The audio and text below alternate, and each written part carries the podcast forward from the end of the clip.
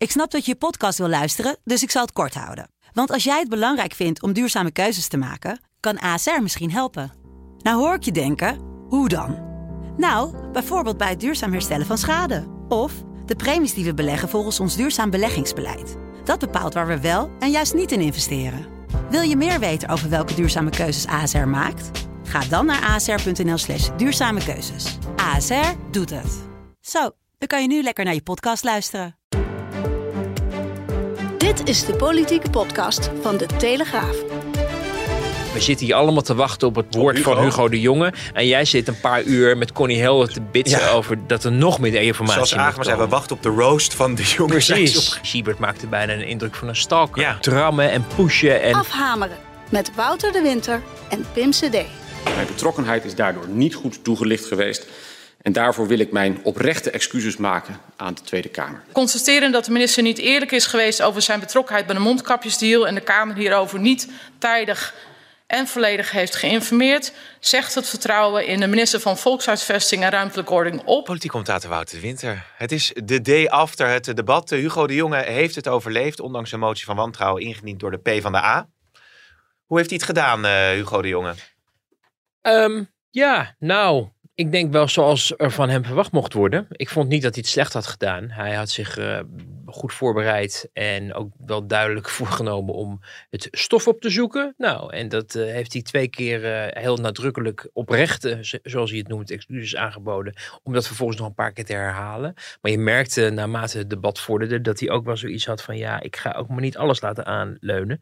En dat is ook precies zoals we Hugo de Jonge kennen. Eh, dus dan, dan, dan wordt de nederigheid toch wat diffuser. En dan krijg je confrontaties met de PVV en ook wel met, met GroenLinks. Ehm, maar ook merk je wel, en dat hoorde je voor en achter de schermen natuurlijk ook, dat hij er ook wel echt een duidelijke opvatting over heeft. Ja, En dat hij het moeilijk vindt om te erkennen dat hij, dat hij verkeerde dingen heeft gedaan. eh, door, door niet scherp te zijn toen er informatie aan de Kamer werd verstrekt. Of in een interview waarin hij dus zei dat hij er niks mee te maken had. Eh, geen betrokkenheid had. eh, maar tegelijkertijd ook wel zoiets heeft van ja, weet je, het was crisis. Ik deed mijn uiterste best. De Kamer stond met hooivorken bij de interruptiemicrofoon om te Mm. zorgen dat ik alles Mm. uit de kast moest halen om die mondkapjes te regelen. Met, met mijn kabinet. En de insinuatie dat ik een partijgenoot voortrek, eh, nou, daar, merkte je echt dat hij echt, echt boos over was. ja, ja, ja. Maar goed, hij is blijven zitten, maar wel beschadigd, want het was allemaal geen vrije vertoning. En het was wel een teken dat je mer- aan de wand, dat je merkt gewoon dat het, dat het geduld met hem eh, op is geraakt. En men wil de brandweer niet vervangen tijdens het blussen van de brand. Maar de brandweerman is eigenlijk met, met die, is ge- die heeft een, eh, is een, politieagent eh, Die is geworden. omgeschoold.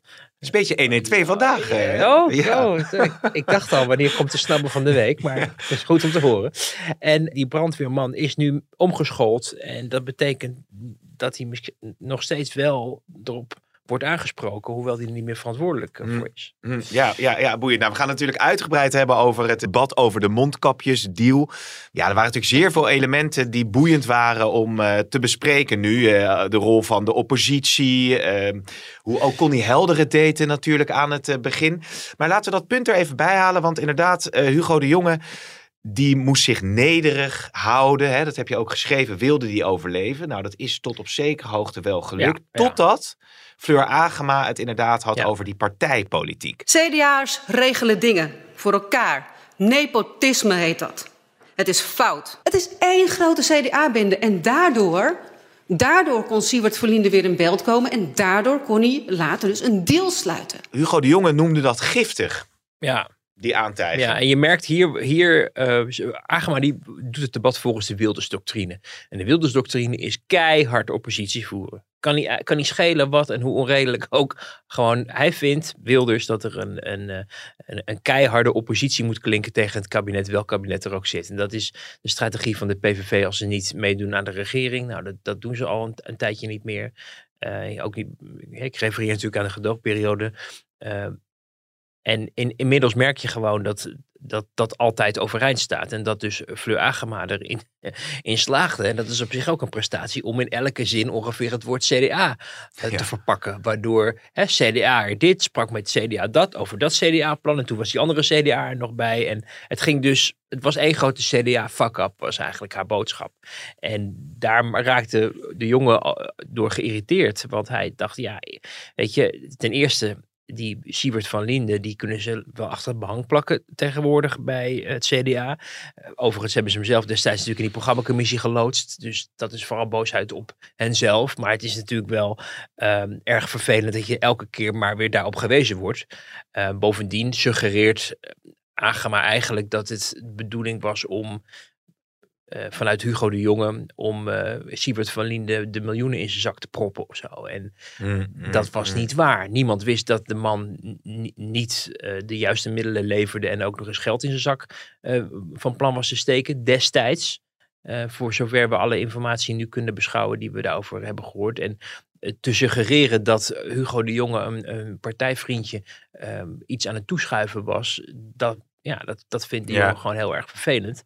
Uh, hoewel natuurlijk wel aannemelijk is, denk ik, dat de lijntjes kort zijn. Exact. Vanwege het feit dat men elkaar ook op een andere manier kent, namelijk vanuit de partij. Dat is overigens niet per se uniek of verkeerd, want er zullen wel meer partijgenoten met partijgenoten overleggen. Eh, partijgenoten ja. die dan in het kabinet uh, zitten.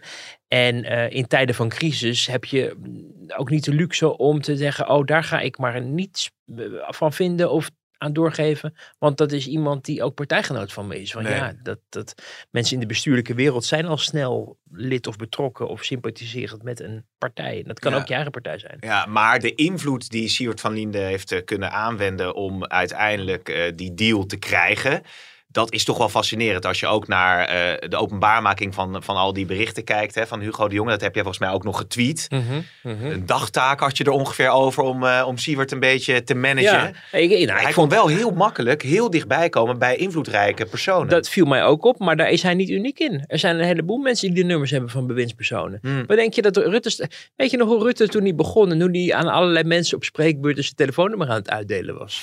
Ja. Ik weet nog zelfs dat hij dan, dan ging de telefoon en dan stond je naast hem. En dan zei hij, was hij net premier. En dan pakte hij de telefoon en dan zei hij, met de regering. Oh ja, serieus. ja. Omdat hij het eigenlijk ook niet kon geloven dat hij ineens minister-president was geworden. Uh, maar een heleboel mensen hebben, hebben de nummers. En een heleboel mensen wanen zich dus ook uh, daardoor heel invloedrijk. Ja. En het is bij Rutte heel vaak uh, functioneel. En dat was het denk ik bij de jongen tijdens de coronacrisis ook wel functioneel om inderdaad mensen die met, uh, uh, met opmerkingen kwamen, uh, om die door te geleiden of in ieder geval naar te luisteren. zag van de week toevallig, zepte ik langs show, shownieuws, omdat onze oh. collega Evert daar zit. En toen vertelde Albert Verlinde trots dat hij kennelijk met um, Sigrid Kaag appt over haar aanwezigheid bij oh, ja. Een, een musical of, de, die, of een Wat was dat nou ook alweer? Want ze zou niet gefotografeerd willen worden of zo? Ja. Die, die ophef heb ik even Ja, en toen was er controverse over. Heeft ze wel voor een theaterkaartje betaald? Want zij wil dan niet op de foto gezet worden omdat Oekraïne en oorlog en boehoe. En we mogen namelijk, moeten de komende jaren in collectieve rouw verkeren. Omdat was er geen een oorlog is in waar Oekraïne. ze naartoe was. Sigrid Kaag. Wat? Het was niet naar Aladdin. Nee, nee, nee. Daar hadden we het niet over hebben. nee, oh, ja.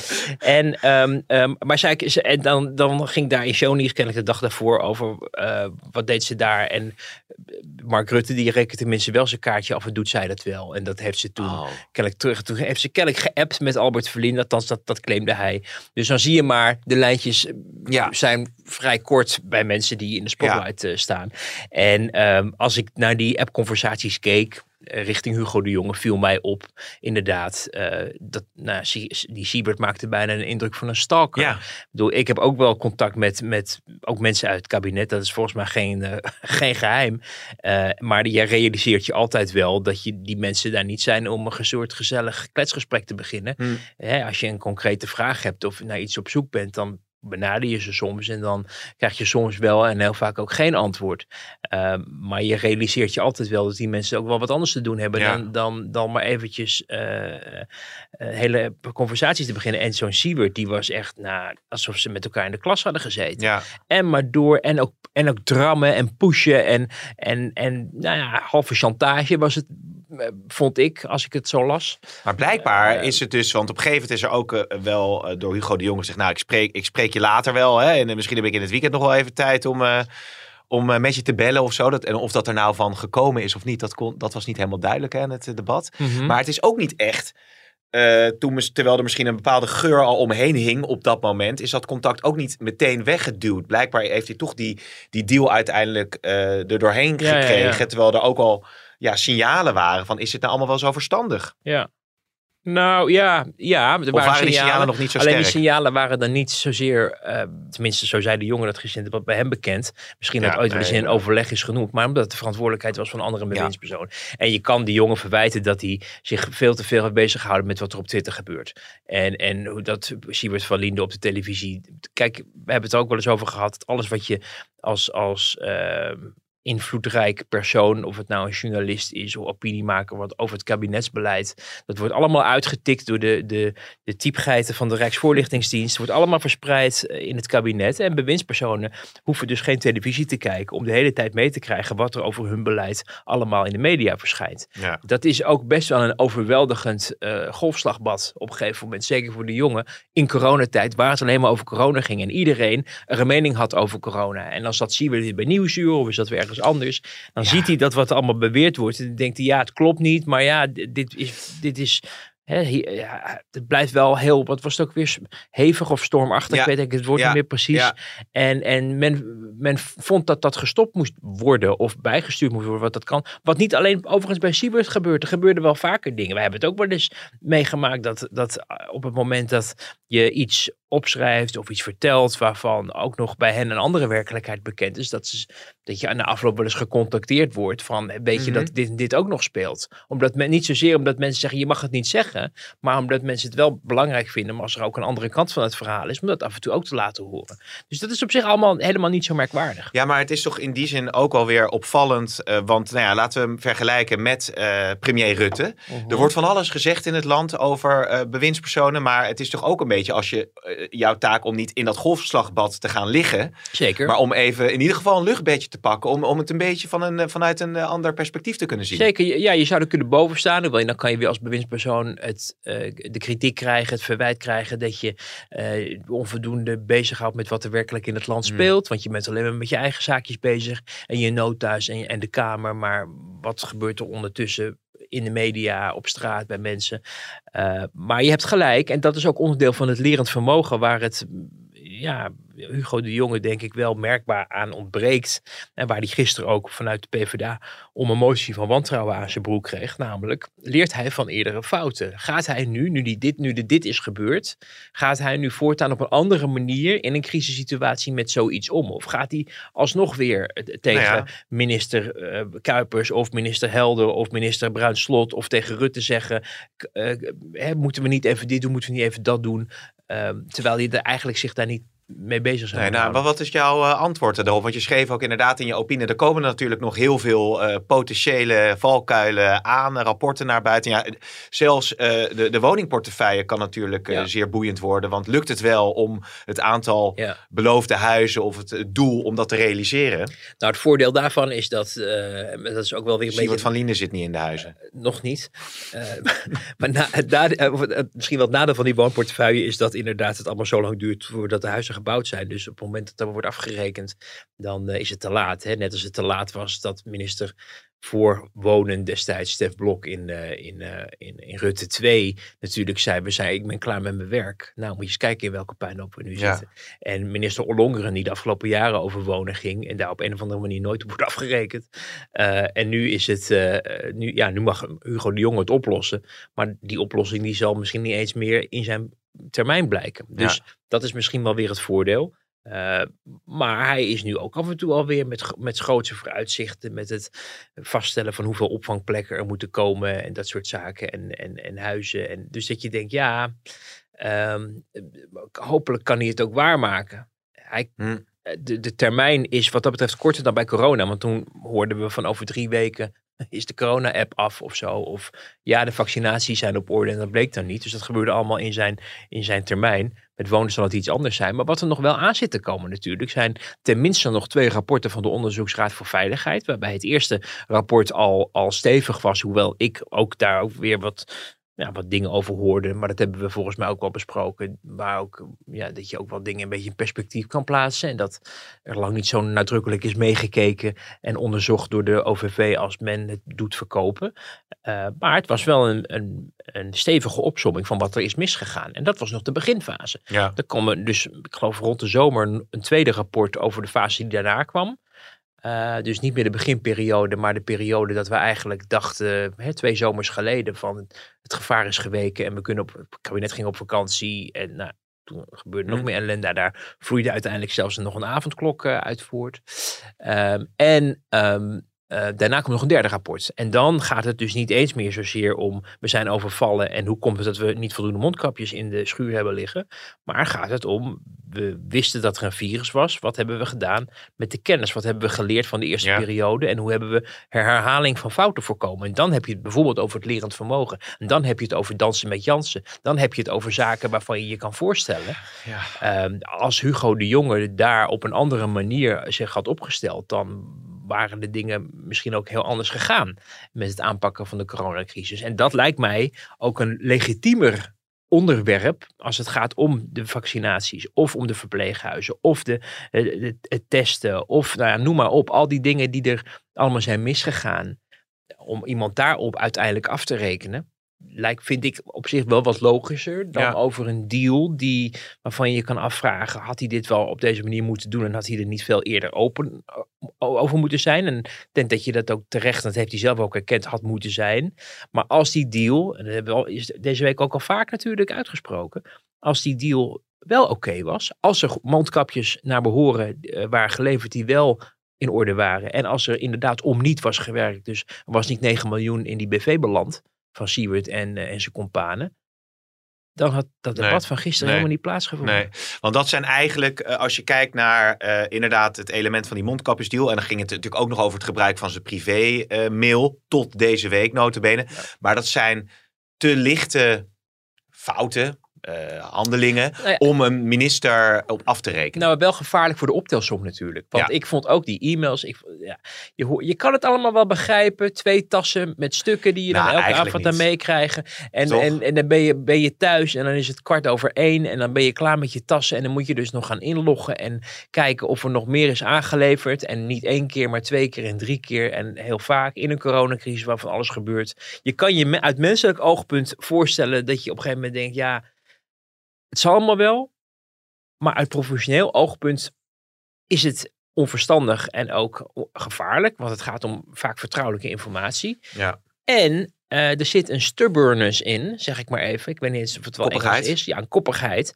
Terwijl je weet dat het niet mag. Terwijl je, of nou, niet mag, het, de richtlijnen zijn om het niet te doen. Terwijl je weet dat een collega van je er al op is op aangesproken, tik op de vingers heeft gekregen. En dan ga je er toch mee door tot deze week. Ja. Dan zie je de valkuil van de jongen. Dan zie je dat lerend vermogen wat Ja. ontbreekt. En dan zie je dus ook de reden waarom een deel van de Kamer zegt en nu is het klaar. Ja, wat ik daar zo opvallend aan vond, op een gegeven moment, Caroline van der Plas, die die ging daar geloof ik op door. En eh, Hugo de Jonge had daar de verdedigingslijn van, ja, uiteindelijk is gebleken uit onderzoek hè, dat er geen gevaar is geweest voor, eh, voor de veiligheid of zo. Er zijn geen gegevens uitgelekt.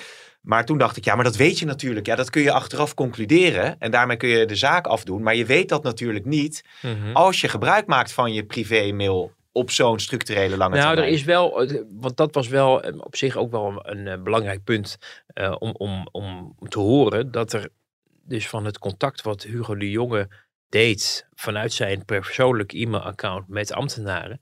Dat er altijd de, ver- de, Ja. de ontvanger dan van zo'n mail, dat wordt ook geregistreerd. Dus, dus men heeft wel een aardig zicht op datgene wat er is gewisseld.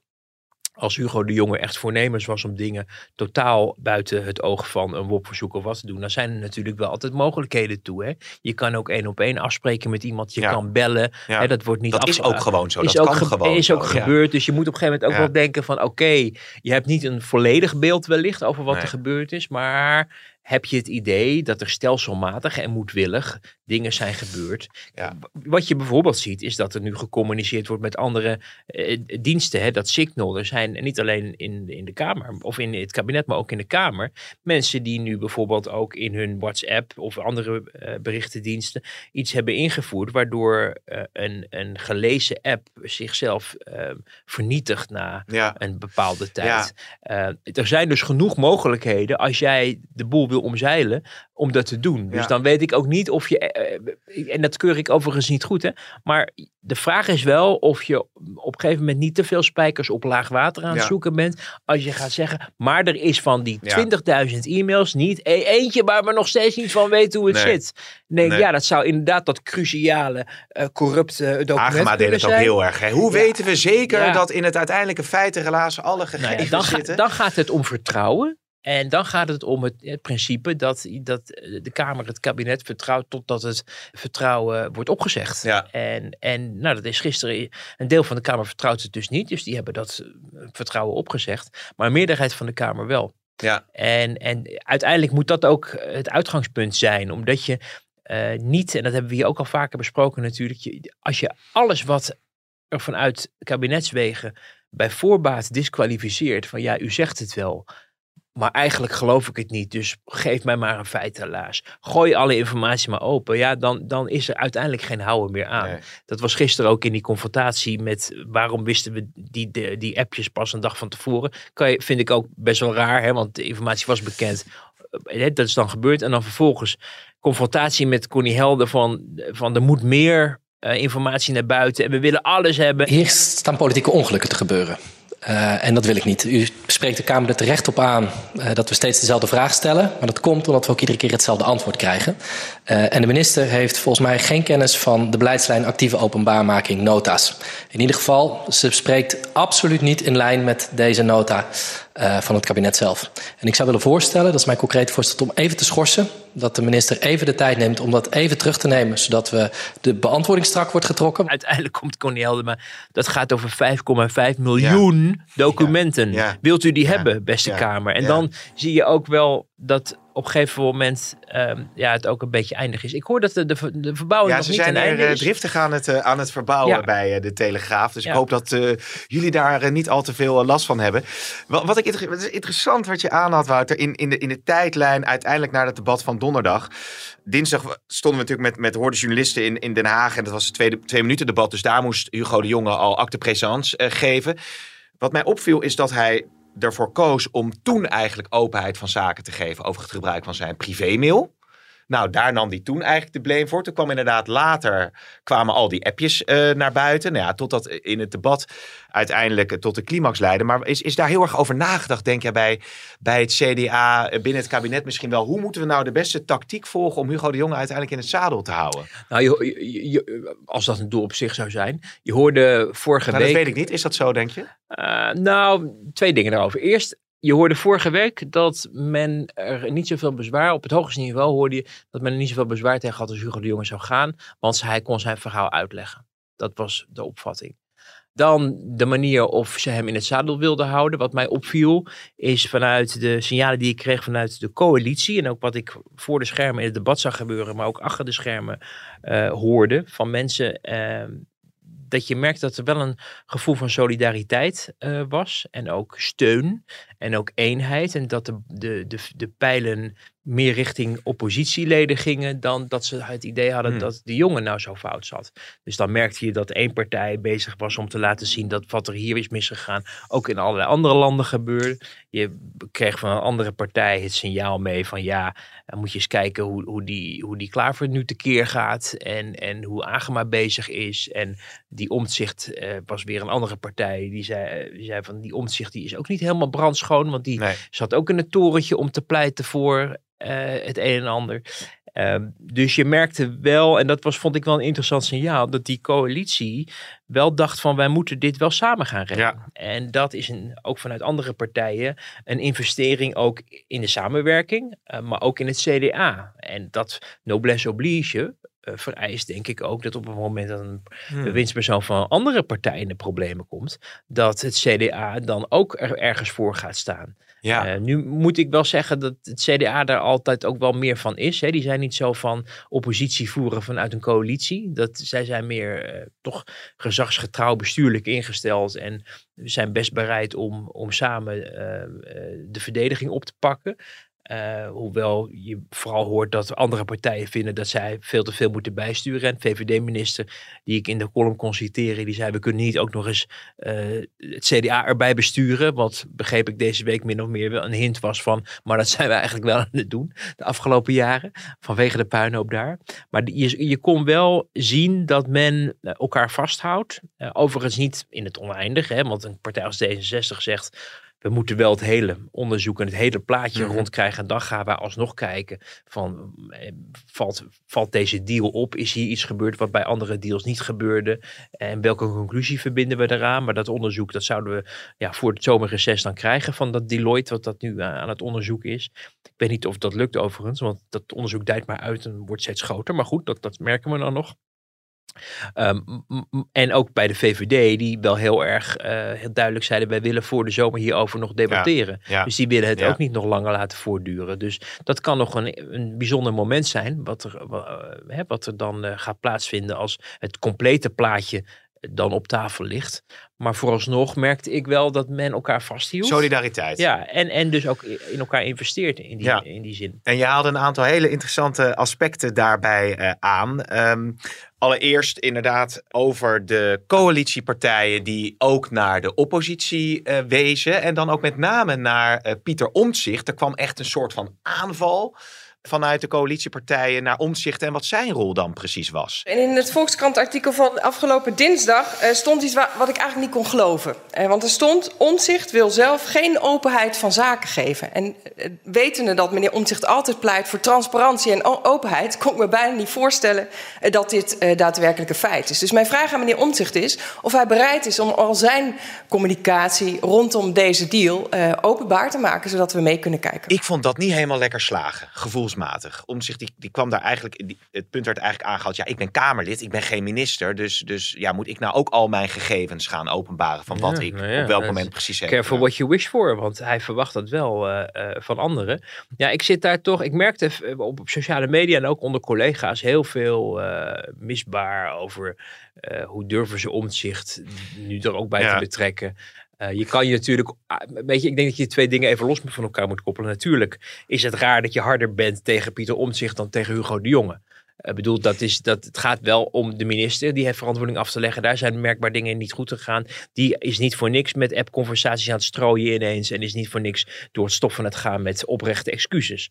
Dus, dus het, het, het, de, de, je kan je wel afvragen van wel even dingen in perspectief plaatsen. Het betekent niet dat iedereen die niet Hugo de Jonge is, uh, onfeilbaar is. Nee. Het betekent ook, en dat weten we ook, dat ook Omzicht zich heeft bemoeid met dingen. Zoals Omzicht, dat is zijn sterkte en zijn zwakte. Die, die, die uh, schiet met hagel en die heeft vaak prijs, maar ook niet altijd. Nee. Niet alles wat hij aanraakt verandert in goud. En ook hij he heeft vanwege zijn netwerk, ook voor zijn eigen portefeuille en ook met die toeslagaffaire, ook achter de schermen allemaal contact gezocht met bewindspersonen en ze aangespoord Mm. om dingen te doen Mm. vanuit een goede, goede uitgangspunt. Ja, precies. hè? Maar waar dat bij de jongen aan wordt getwijfeld, wordt dat bij omzicht uh, voor waar aangenomen. Ja, en en, die hebben, daar valt niks over te zeggen. En, en eh, kijk, ook, ook Omtzigt was niet bezig om een partijgenoot geld in de zakken te stoppen en uh, voor te trekken. Maar die was ook bezig van, er is een probleem. Uh, we moeten kijken of we dat op kunnen lossen. Mensen benaderen mij, mij. Mensen hebben kennelijk vertrouwen in dat ik dingen voor elkaar kan krijgen in Den Haag. Dus ik trek aan de bel bij het gezag die dat voor elkaar kunnen krijgen. En dus ga ik in het torentje met Rutte Hmm. daar ook overleggen.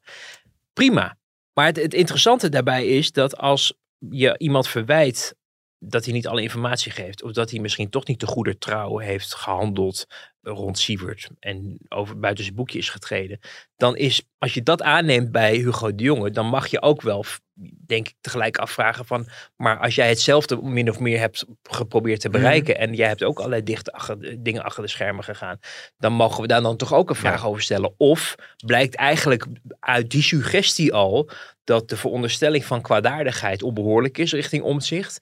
Maar geldt dan Ja. diezelfde aanname dan niet, eigenlijk Ja. niet net zo voor de jongen? Ja, maar er is Want- toch een verschil tussen een minister en een Kamerlid. Zeker. Dus in die zin, eh, dat, Maar, dat- maar in die, die coronatijd eh, ver, vervaagden allerlei omgangsvormen Ja, met elkaar. Omdat iedereen, het was echt een crisissituatie. Het was niet eerder vertoond waar we in terecht waren gekomen. En je merkte dat op allerlei niveaus verantwoordelijkheden verschoven. En dat mensen, eh, ja, er kwamen noodwetten, er kwamen eh, besluiten. Ik geloof dat het katshuis kwam bijeen toen op die zondag. En een paar uur later werd de horeca gesloten. Weet je, het was, het was best bizar. Dat hebben we er ook nog nooit meegemaakt. Dus er gingen dingen heel snel en op een manier waarvan je achteraf denkt, ging dat wel goed. Ik herinner me bijvoorbeeld als het ging om het uitgeven van geld overal, dat er ook echt gewaarschuwd werd vanuit het kabinet. Terwijl de Kamer riep van, het kan niet uitmaken hoeveel het kost, regelen. Dat kabinet wel zei van weet dan wel dat dat allemaal Ja. waarschijnlijk niet rechtmatig Ja. meer te verantwoorden is. Want je bent echt on, ongericht met geld aan het smijten om mensen te redden, om bedrijven overeind te houden, om eh, hulpmiddelen te kopen en dat soort dingen. Vaccins te regelen was ook nog een heel, voordat die Europese deals werd gesloten, was het ook een cowboymarkt. En he- heeft eh, Hoekstra op een gegeven moment eh, Hugo de Jonge carte blanche gegeven, na goedkeuring van Mark Rutte, om op de markt vaccins te regelen. Want er, er was Hm. niks geregeld en Amerika kocht alles op en Ja. allerlei rijke landen, oliestaten. moet Dus je nagaan als Siewert die vaccins had geregeld en ze waren Nou. uiteindelijk ondeugelijk geweest. Dan had je nog een iets andere Gelukkig- situatie gehad. gelukkig hield Siebert zich niet met vaccins bezig. Dat, dat is, laten we dat alweer als dat is positief de punt benoemen. Ja. ja. Maar ik, ik geef alleen maar aan dat het in, in die tijd was, ja, liepen allerlei dingen door elkaar heen. En misschien onwenselijk geweest, maar de kwaadaardigheid die, eh, of het achterdocht en het wantrouwen wat nu de minister in de maag wordt gesplitst. En dat Ja. mag ook hoor, want de Kamer mag ook wantrouwend zijn erover. Maar het is niet zo dat alle andere mensen, behalve Hugo de Jonge, dan per definitie allemaal zo perfect geregeld Nee. hebben. Waarmee ik overigens niet wil zeggen dat Pieter Opzicht het niet goed geregeld heeft. Alleen daarover een vraag stellen of eigenlijk zeggen, luister, Ja. wat je in één verwijt heb je misschien zelf ook wel eh, aan meegedaan. Vind ik op zich ook Nee, maar het, het, kwam, het, het, ik, ik, ik voel er zelf niet een enorme verontwaardiging over, maar het kwam niet heel sterk over of zo. In het debat was het Nee, niet... dat snap ik. Maar goed, mensen zijn ook wel een beetje eh, gewend dat Pieter Omzicht een soort eh, eh, orakel is die het altijd bij het juiste Ja, eind ja, heeft. en dat ja. valt ook wel mee. Maar hij is wel een heel goed Kamerlid. En we mogen denk ik blij zijn dat hij er is. Want hij stelt af en toe vragen dat ik denk, ja, dit heb ik het hele debat nog van niemand gehoord. En het is wel een heel belangrijk punt. Ja. Alleen, het zijn soms ook achterdochtige vragen van ik wil een tijdlijn, ik wil een feitenrelaas, ik wil alle correspondentie op tafel. Iets, een tactiek die overigens door andere oppositieleden nu met enige graagte wordt omarmd. Ja. Eh, allemaal een beetje afgekeken van, van hem, de omzichtmethode. Eh, maar daardoor schiet je af en toe ook met een kanon op een mug.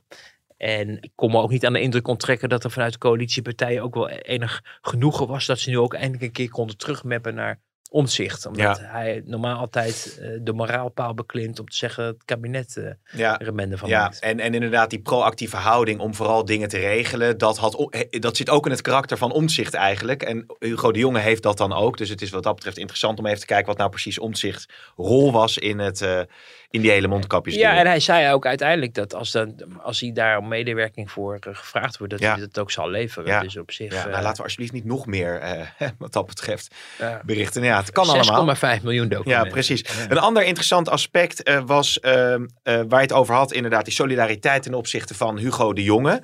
Daarvan werd dan weer gezegd door Jesse Klaver van ja, dat is nou precies die, die oude bestuurscultuur hè, waar we van af willen. En dan ging het natuurlijk ook over op welk moment deel je informatie met de Kamer. Hè? Pas op het moment dat een eh bewindspersoon in het nauw komt, wordt die informatie eh, gedeeld.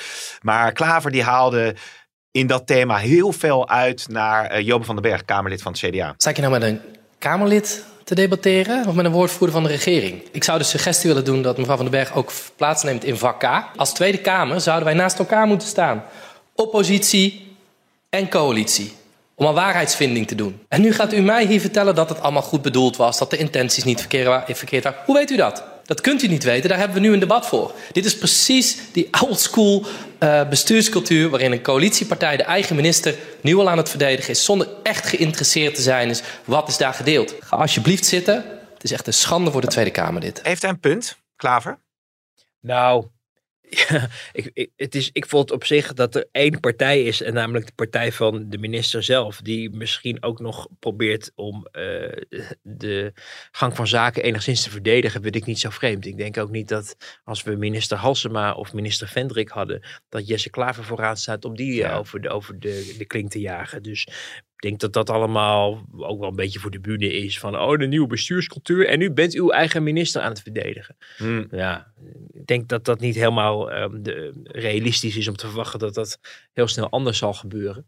Uh, men raakte ook wel behoorlijk gefrustreerd dat Johan van den Berg daar ook wel heel kalm onder bleek, en bleef en zich niet op de kast liet jagen. Ja. Uh, wat mij opviel was de, de, dat die frustratie zich ook uitte in zo'n uitspraak van Klaver, waarin hij haar dan uh, toe, toe, toe blaft, ga zitten. Zo. Ja. Je, dat je wel denkt van, dit was de man die toch nog niet zo lang geleden uh, over de scorebordpolitiek een grote broek aantrok. En eigenlijk is de hele, het hele parlement, het kabinet en eigenlijk ook de journalistiek de maat nam over dat het toch in Den Haag om de inhoud zou moeten gaan. En dat het gaan over goed, uh, om, goede omgangsvormen. Dat je met respect elkaar moet benaderen en, en moet je eens kijken dat je een collega parlementariër waar je het niet mee eens bent zegt van nou ja, naar jou hoeven we niet te luisteren, ga jij maar lekker zitten.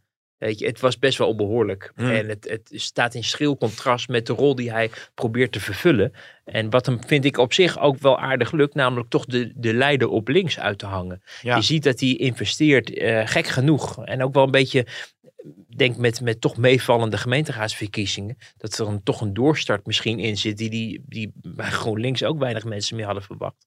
En dat hij nu in een situatie zit waarin hij toch weer in een, uh, nou, in een, in een mooi kostuum met een mooie das, uh, ernstig uh, het kabinet gaat toespreken en probeert ook een beetje rechtsstatelijk, niet zozeer dan uh, op de, zozeer op de, de inhoud in eerste instantie, maar meer op de procedure. Ja. Ik vond het op een gegeven moment wel veel te lang duren. Dat ik dacht, ja, we zitten hier allemaal te wachten op het, op het woord Hugo. van Hugo de Jonge. En jij zit een paar uur met Connie Helder te bitsen Ja. over, over, over dat er nog meer informatie Zoals moet Agema zei, we wachten op de roast van de Precies, gegeven ja. En dat was natuurlijk wel zo. Dus ik dacht wel bij mezelf van het is ook een keer klaar. Maar je ziet dat, dat hij probeert die rol te pakken in de Kamer. En je ziet ook als hij als een soort Don Corleone daar inmiddels op de derde of de vierde rij zit. Waarin al die beginnelingen uh, of, of mindere goden uit de Kamer bij hem langskomen voor overleg. Dus dan zie je ze weer bij zijn, bij zijn uh, hè, zo iemand als Laurens Dassen of zo. Die dan bijna om instructies komt vragen van ja wat zal ik Ja. vragen en Ja. wat kan ik nog Ja. vragen en hoe kan ik helpen. En, en, en Fried Azarkan die hing er ook veel te veel rond vond ik. Dat ik wel echt dacht van hij is wel, omdat hij zo ervaren is, wel iemand die ook de andere oppositiekamerleden kan inspireren om hoe zij hun werk uh, deden. En je zou, en dat kan natuurlijk omdat hij zo ervaren is, maar je zou ook je af kunnen vragen waarom die rol niet wordt opgepakt door bijvoorbeeld de SP, bijvoorbeeld door Lilian Marijnissen die er ook al heel lang zit, of door de PvdA. Hmm. Want die PvdA is notabene groter dan GroenLinks. De PvdA zit op die eerste rij, dienen uiteindelijk wel die motie van wantrouwen in. Uh, maar het is toch meer dat Jesse Klaver het debat gisteren ja. uit, uit die hoek domineerde dan een partij als de Partij van de Arbeid. En het is al langer zo eigenlijk, hè, dat Ja. Klaver daarin de, de leidende rol uh, weet Ja. te pakken. Ja, en, en wat dat betreft wa- was ik wel een beetje verrast dat eh, Adje Kuiken dan met die motie van wantrouwen kwam. Hoewel Hmm. zij natuurlijk ook de eerste spreker was. Ja. Uh, maar als je de toonhoogte en het optreden van, van Jesse Klaver bezig zat, had ik hem eigenlijk eerder van hem verwacht. Omdat hij toch veel meer in de lead leek gisteren dan, uh, dan de PvdA. Ja, maar als het gaat over dat delen van die uh, informatie, waar Connie Helder het, nou ja, goed, nogal lastig mee had natuurlijk in het begin. Uh, van der Staaij die had daar ook uh, ja, een, een, duidelijke mening over. Natuurlijk begrijp ik de wens van veel partijen uit de Kamer om oud-minister van VWS De Jonge snel aan de tand te voelen over de mondkapjesdeal. Maar hoe begrijpelijk en verleidelijk ook, het is in de ogen van de SGP-fractie een ongelukkig novum dat deze weg nu daadwerkelijk wordt ingeslagen. Het is namelijk een dubieuze doorkruising van de tot nu toe consequent gehanteerde staatsrechtelijke regel dat in het debat verantwoording wordt afgelegd door de zittende minister, ook over het handelen van zijn of haar ambtsvoorganger. Dat was ook wel een beetje raar, toch, hoe dat ging? Ja, ja, ja. Ja, en het, ik weet ook niet of het experiment als geslaagd mag worden beschouwd. Nee. Want dit is het risico wat je krijgt als je bewindspersonen die ergens niet meer over gaan, uitnodigen om nog een beetje te reflecteren op waar ze eerder wel over gingen. Waardoor de rol en de, en, de, en de status van de huidige bewindspersoon heel erg ongewis Ja. wordt. Want die is eigenlijk verantwoordelijk voor alles wat er uh, in het verleden gebeurd is. Terwijl Hugo de Jonge kreeg de motie van wantrouwen Ja. aan zijn broek. Ja. Eh, zelfs voor uitspraken die hij niet alleen maar heeft gedaan als minister van Volksgezondheid, maar zelfs nog als minister voor Volkshuisvesting. Namelijk eh, een paar weken geleden toen hij zei dat de suggesties Ja. eh, niet klopten die de Volkskrant had gedaan naar aanleiding van de, nou ja, die onthullingen. Ehm, dus het werd een beetje een rommeltje. En er werd ook achteraf ook wel in de Kamer door geklaagd, over geklaagd. Van ja, het is staatsrechtelijk allemaal een jamboel geworden. Maar dan denk ik ook wel weer bij mezelf. ehm, moet je eens voorstellen dat Hugo de Jonge had geweigerd om te verschijnen. En niet zelf naar voren was gestapt. Eh, en stel dat Hugo de Jonge had gezegd, maar ik heb geappt met Siebert van Liende en ik heb dit of dat gezegd, zonder dat hij die apps had verstrekt. Hmm. Wat had de Ja. Kamer dan gedaan? Ja. Nou, dan zeg ik, ja, maar dan willen we die app zien. Ja, dat ga ik niet geven, want er loopt onderdeel van het onderzoek. Ja, dan vertrouwen we u niet. Weet je, dus alles zou sowieso een puinhoop worden. Of hij nou wel of niet was gekomen, of hij nou wel of niet die Ja. appjes had verstrekt. Ja. En, en, en dan denk ik wel bij mezelf, dat is niet alleen maar een verantwoordelijkheid van eh, degene die dan op de grill eh, ligt, namelijk Hugo de Jonge. Maar ook de Kamer is daar ook niet consequent in. Want het is niet goed of het deugt Nee. niet. Nee, als je inderdaad het, het, het volgens het boekje zou spelen, dan zou je gewoon dat onderzoek, het feitengelaas afwachten. Totdat alle informatie Ja. eh, gedeeld wordt. Hè, vanuit het perspectief van Connie Helder dan ook. Ja. En dan een inhoudelijk debat voeren. Want dat was ook het punt wat hij volgens mij aanhad. Eh, hoe kun je een debat voeren op het moment dat de minister zelf bepaalt welke informatie Ja. die deelt. Maar ja, de Kamer vroeg nou juist om die informatie. Ik Dus vroeg ja, om informatie en vroeg om zijn aanwezigheid. Want het Ja. feit dat hij daar stond, was al. En hij probeerde dat zelf nog op te lossen door te zeggen: Ja, ik, ik sta hier niet als de voormalig minister van Volksgezondheid. Ik sta hier als minister voor Volkshuisvesting. Omdat het over vertrouwen gaat. Dus Ja. ik dacht: Oh, die wil van de Kamer vertrouwen horen dat hij als minister door kan van Volkshuisvesting. Omdat hij straks in de Senaat allerlei voorstellen ook nog door de Senaat moet loodsen. En daarvoor steun nodig heeft van partijen buiten de coalitie. Omdat de eh, coalitie geen meerderheid heeft Ja. in de Senaat. Dus ik dacht van oké, dat is dan zijn aanvliegroute.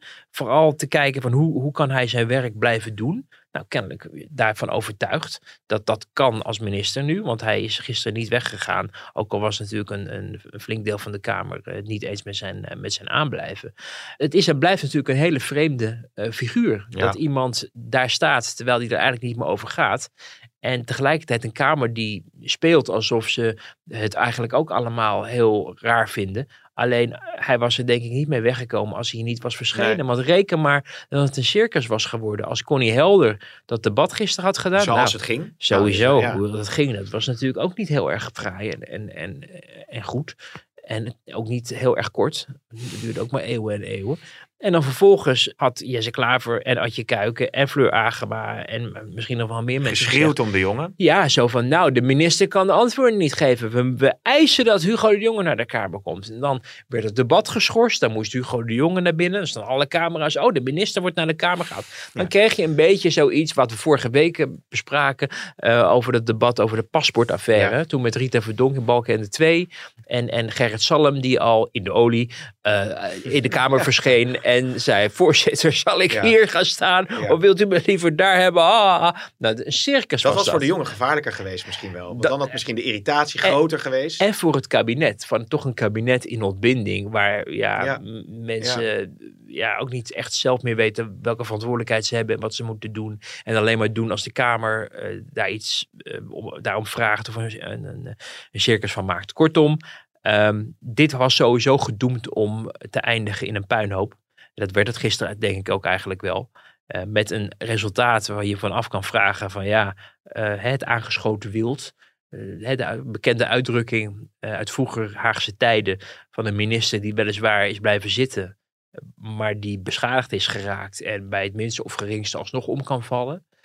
Ik weet niet of zijn portefeuille daar zich helemaal voor leent, leent op dit moment. Maar het zou kunnen zijn dat er nieuwe onthullingen komen. Ja. Of dat er toch iets op zijn portefeuille gebeurt. Waarmee de boel dusdanig optelt dat men zegt: ja, maar nu is het toch echt einde Ja. oefening. Ja, dat, dat wilde ik tot slot inderdaad vragen. Nu het eh, stof is eh, neergedaald, eh, wat blijft er dan over? Maar dat hebben we volgens mij al redelijk goed besproken. Eén puntje wat me nog wel opviel, want ik geloof dat 52 eh, Kamerleden uiteindelijk de motie steunden, hè? de motie Ja. van wantrouwen. Dus Ja. er waren best wel nog wel wat oppositiepartijen. Ja, 21 eh, geloof ik. Partij voor de Dieren volgens mij ook. Weet het even niet uit Ja, hoofd. 21 stemden verdeeld. Eh, namelijk Epping, die, die was voor de motie van wantrouwen. En die Goudswaard en eh, Joost Eertmans waren tegen. Dat vond ik dus ook nog wel opvallend. Je hebt toch ook wel in het verleden gezien dat de hele oppositie eh, een motie van wantrouwen steunt. En nu waren er toch ook wel oppositiepartijen, SGP denk ik dan ook, die het ook allemaal niet zwaar Nee. genoeg vonden om Hugo de Jonge weg te sturen. Ja, of in ieder geval op dit moment nog niet tijdig. En Eertmans heeft natuurlijk een, een, ook nog een verleden met eh, Hugo de Jonge in Rotterdam. Dus die heeft, denk ik, speelt denk ik, maar dat is speculatie, zeg ik er gelijk bij. Maar ook nog wel zoiets in van, deugt de man, is hij te vertrouwen Ja. of niet? Heeft hij ten goede of te kwade trouw gehandeld? En als het om vertrouwen gaat, is dat op zich ook een afweging die je kan maken. Ehm, SGP was niet akkoord. En inderdaad, je zag dat een heleboel Kamerleden ook afwezig waren. Het was een hoofdelijke stemming. Er zijn natuurlijk nog steeds dingen als corona die spelen. Er zijn ook nog hè, weer Gundogan die, die, God, ja, nog dat steeds zoek nog is. allemaal. Eh, dus, dus ja, dat, dat zijn allemaal. Dat wordt dan geperd. Hè? Dus dan zeggen ze iemand uit de coalitie is afwezig en iemand uit de, oppositie is afwezig. En dat streept men dan tegen elkaar weg. Daardoor Ja. telt het uiteindelijke stemplaatje ook niet op tot 150. Nee, exact. Ja. Maar tot iets van, ik denk 120, 130 of zo. Omdat er toch best wel veel mensen niet aanwezig waren. Omdat ook wel duidelijk was dat de coalitie niet van plan was om Hugo de Jonge te laten vallen. Ja, dat had ik me niet eens zo gerealiseerd. Dus dat verklaart ook dat, eh, dat minder eh, Kamerleden die motie van eh, wantrouwen hadden gesteund. Maar er waren dus wel degelijk oppositiepartijen, eh, Kamerleden die de motie van wantrouwen niet steunden. Ja, en de SGP bijvoorbeeld. Ik denk ook wel dat dat... Het is, die partij loopt sowieso niet voorop om, om mensen naar huis te sturen. Nee. Eh, ergert zich denk ik meer aan de manier waarop dat staatsrechtelijke rommeltje Ja. eh, er was. Maar zelfs Kees van der Staaij gaf wel aan, als het gaat om de informatieverstrekking door het kabinet, dat daar, daar, wordt ook, daar werd natuurlijk ook mee geschipperd. Of je zegt, we verstrekken niks, want we wachten het Ja. onderzoek af. Maar inderdaad, als je zelf gaat selecteren aan welke informatie je, je stuurt, dan, ja, dan dwing je de Kamer ergens over te debatteren, terwijl er misschien nog over wel meer te debatteren valt.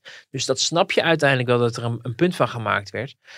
Maar zoals we net bespraken, Ja. het alternatief was, hoezo en bewijs het maar en kom maar met die informatie midden in een debat, waar die dan eigenlijk niet eens bij wilde zijn. Dus We- we- we- we- een rommeltje. Een rommeltje. We, gaan, wil je nog iets kwijt tot slot? Of zijn we, zijn we bij de eindstreep eh, op deze vrijdag eh, gekomen? Ik wou, ik wou nog aan je vragen, maar daar hebben we ook al wel besproken welke Kamerleden nou een goede indruk maakt. Nee, ja, Klaver had het al eh, over. Ik weet niet of jij nog, nog een, Nou, ook, maar die maakt, ja, je een goede als een- indruk, wat is een goede indruk? Hij was opvallend aanwezig. Ja, ja, Eh, maar hij had ook wel, ik, ik, ik heb ook volgens mij wel een kritische noot. Nee, daarom. Maar ik zat meer te denken, wie, wie was er, wie manifesteerde zich het sterkst? Laat ik het dan zo zeggen. Nou ja, het is, dat is, maar ook dat is altijd heel erg afhankelijk van het perspectief. Hè. Als je, Ja. als je, als jij, ik, ik vond de argumentatie die, die Fleur Agema aanvoerde vanwege het was één groot CDA, complot, corruptie, weet ik van wat, vond ik niet zo sterk. Alleen ze deed dat met verven Ja. en voor haar achterban, Ja. die zal er heel tevreden En ze over heeft gewoon zijn. vastgebeten in dit Precies, dossier. en ze was ook, ze had- was ook goed voorbereid. Ze liep met dat boek te zwaaien van die Ja. NRC-journalist. En,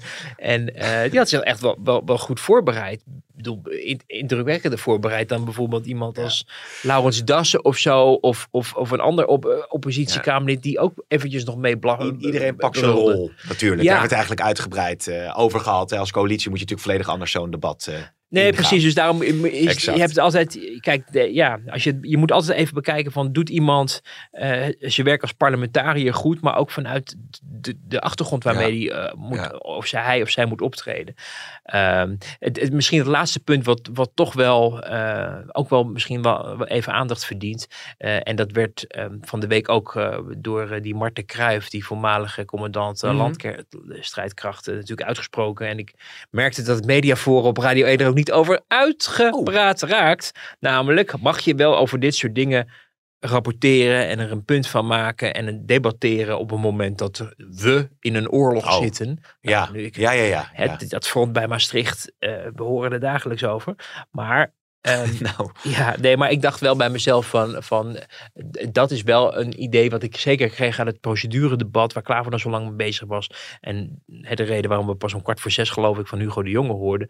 eh, namelijk dat het wel erg weer veel over Den Haag Ja, gaat. ja. De Haagse navelstaarderij van ik vertrouw u niet en u moet dat document leveren. En waar was u gisteren om kwart voor vijf? En weet je, dat, dat, dat spel is heel Haags. En ik denk wel dat het land eh, en de mensen in het land en ook de problemen in het land verdienen Ja. dat de politiek daar toch veel meer over Ja, gaat. maar dan is het natuurlijk ook weer, want ik kreeg dat deze week ook van vrienden en zo. Maar dan heb je, heb- wij zijn daar ook een factor in. Dan krijg je dat punt. Dat is ongetwijfeld het mediaforum ook aan bod gekomen. Ja, maar goed, ik bedoel, je, je, moet, eh, je moet daar toch, je moet vertellen over als er een minister op omvallen Wat er staat. speelt in, in Ja. Den Haag. Ja. Alleen ook dat kan ook in de tijd enigszins beperkt worden. Het betekent dus niet dat, dat, je, dat je als Kamer acht uur moet gaan debatteren over of je nog extra documenten moet hebben. Waarom zijn er twintig fracties? Waarom gaan fracties dezelfde vragen stellen? Waarom staat de voorzitter toe dat er interrupties plaatsvinden die niet tien seconden duren, maar tien minuten bij Ja, wijze van komt ze spreken? toch nog aan bod, de Kamervoorzitter. Ja, Maar, ja, je, wilde het, jij, jij, jij was het al vergeten. Nou, wilde was het helemaal erover- niet vergeten. Maar ik dacht, we hebben natuurlijk eigenlijk bijna elke week kun je het wel over de Kamervoorzitter hebben.